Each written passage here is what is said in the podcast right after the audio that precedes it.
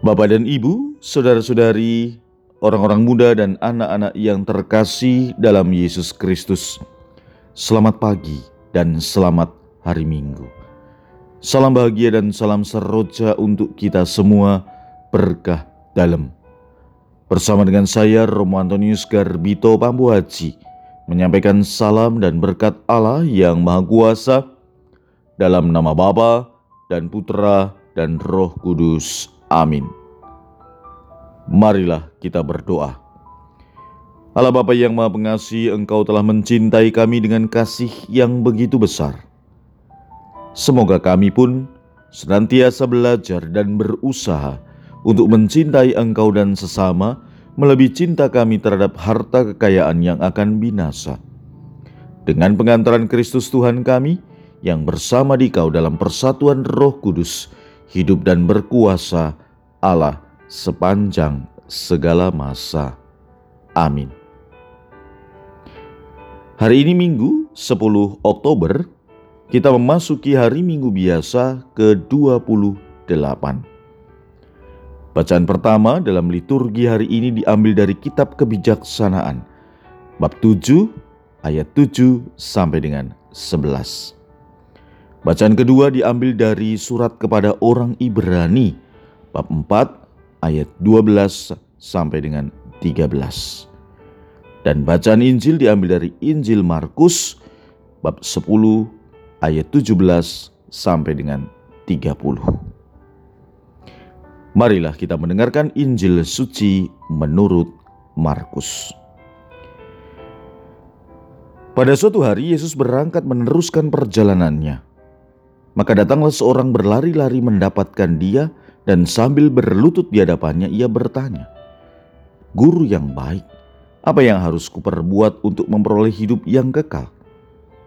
Jawab Yesus kepadanya, Mengapa kau katakan aku baik?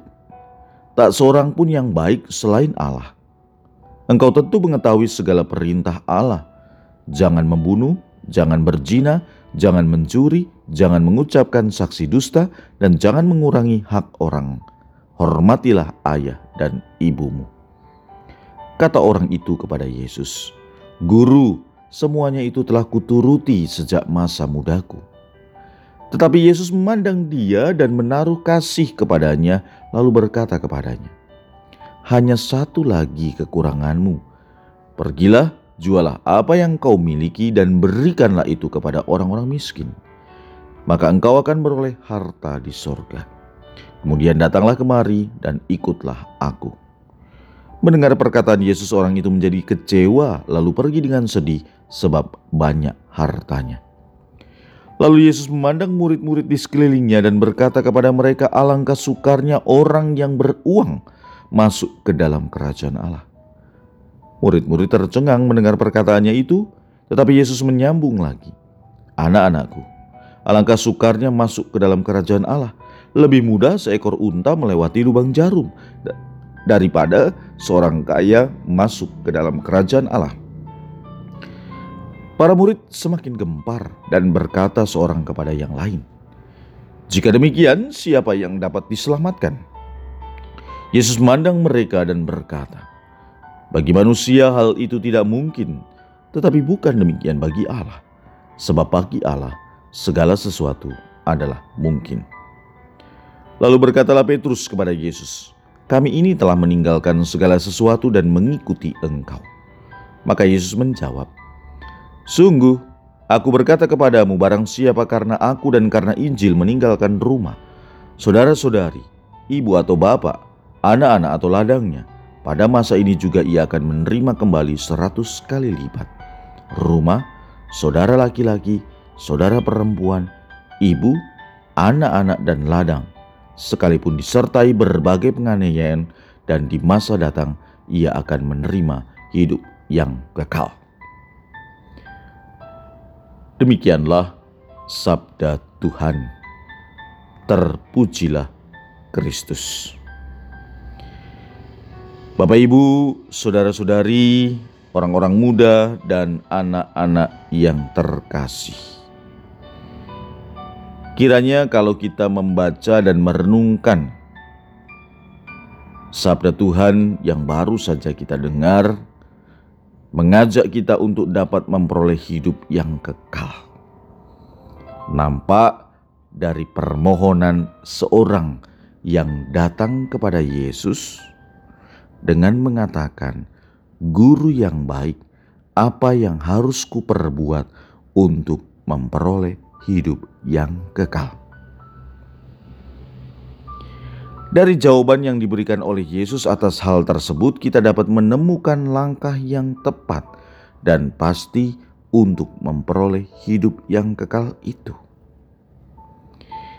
Langkah pertama jelas dikatakan oleh Tuhan Yesus adalah menaati perintah Allah yang tertuang dalam sepuluh perintah Allah. Tetapi kemudian Yesus memberikan syarat berikut, karena langkah pertama belum sempurna, mesti diikuti lagi dengan langkah kedua, yakni mengikuti Yesus. Dan syarat untuk mengikuti Yesus adalah tidak terikat dengan harta kekayaan dunia, berbagi kepada sesama yang miskin dan menderita. Hal ini mau menggambarkan bahwa Yesus adalah jalan menuju kehidupan kekal. Saudara-saudari yang terkasih, tapi apa yang terjadi? Orang yang datang kepada Yesus telah memenuhi syarat yang pertama. Dengan penuh keyakinan, orang itu menyatakan bahwa sejak masa mudanya ia telah melaksanakan perintah Allah. Ini berarti ia yakin akan memperoleh hidup kekal. Tapi, seperti yang tadi saya katakan di awal, Yesus menunjukkan satu syarat lain yang harus dipenuhi yakni menjual seluruh harta milik dan membagi-bagikannya kepada orang miskin. Hanya dengan demikian, ia akan memperoleh harta dalam kerajaan surga. Dan setelah itu, Yesus mengajaknya untuk mengikutinya. Mendengar persyaratan yang diajukan Yesus, kita mendengar di Injil orang itu menjadi muram dan pergi dengan sedih ia ingin memperoleh hidup kekal, dan Yesus telah menunjukkan jalannya. Tetapi ia menjadi sedih karena hartanya banyak, dan ia tidak rela melepaskan harta itu. Mengapa demikian? Menurut tradisi orang Yahudi, mereka berpandangan bahwa kekayaan, keturunan, umur panjang, adalah ganjaran yang diberikan Allah kepada orang-orang yang hidupnya berkenan kepadanya. Kesejahteraan hidup di dunia yang mereka nikmati adalah pendahuluan dari kesejahteraan abadi yang akan mereka terima sesudah kehidupan di dunia ini. Tetapi Yesus mempunyai cara pandang lain. Yesus meminta orang itu menjual seluruh harta miliknya karena baginya Perintah tersebut sama dengan perintah untuk membuang ganjaran Allah yang menjadi bukti bahwa ia adalah orang baik dan bahwa hidupnya berkenan kepadanya. Itu pandangan orang yang datang kepada Yesus. Bagi orang itu juga, harta benda memiliki ciri religius, tetapi bagi Yesus tidak. Kejadian seperti ini kemudian dipakai oleh Yesus untuk mengajarkan kepada para murid. Amat sulit bagi seorang kaya memiliki banyak harta untuk masuk kerajaan Allah. Yesus memberikan perumpamaan, demikian sulitnya sehingga lebih mudah bagi seekor unta untuk masuk ke dalam lubang jarum daripada seorang kaya masuk kerajaan surga. seperti yang dikatakan dalam Injil. Pernyataan Yesus ini membuat para murid tercengang. Kalau begitu, siapa yang dapat selamat? Saudara-saudari yang terkasih,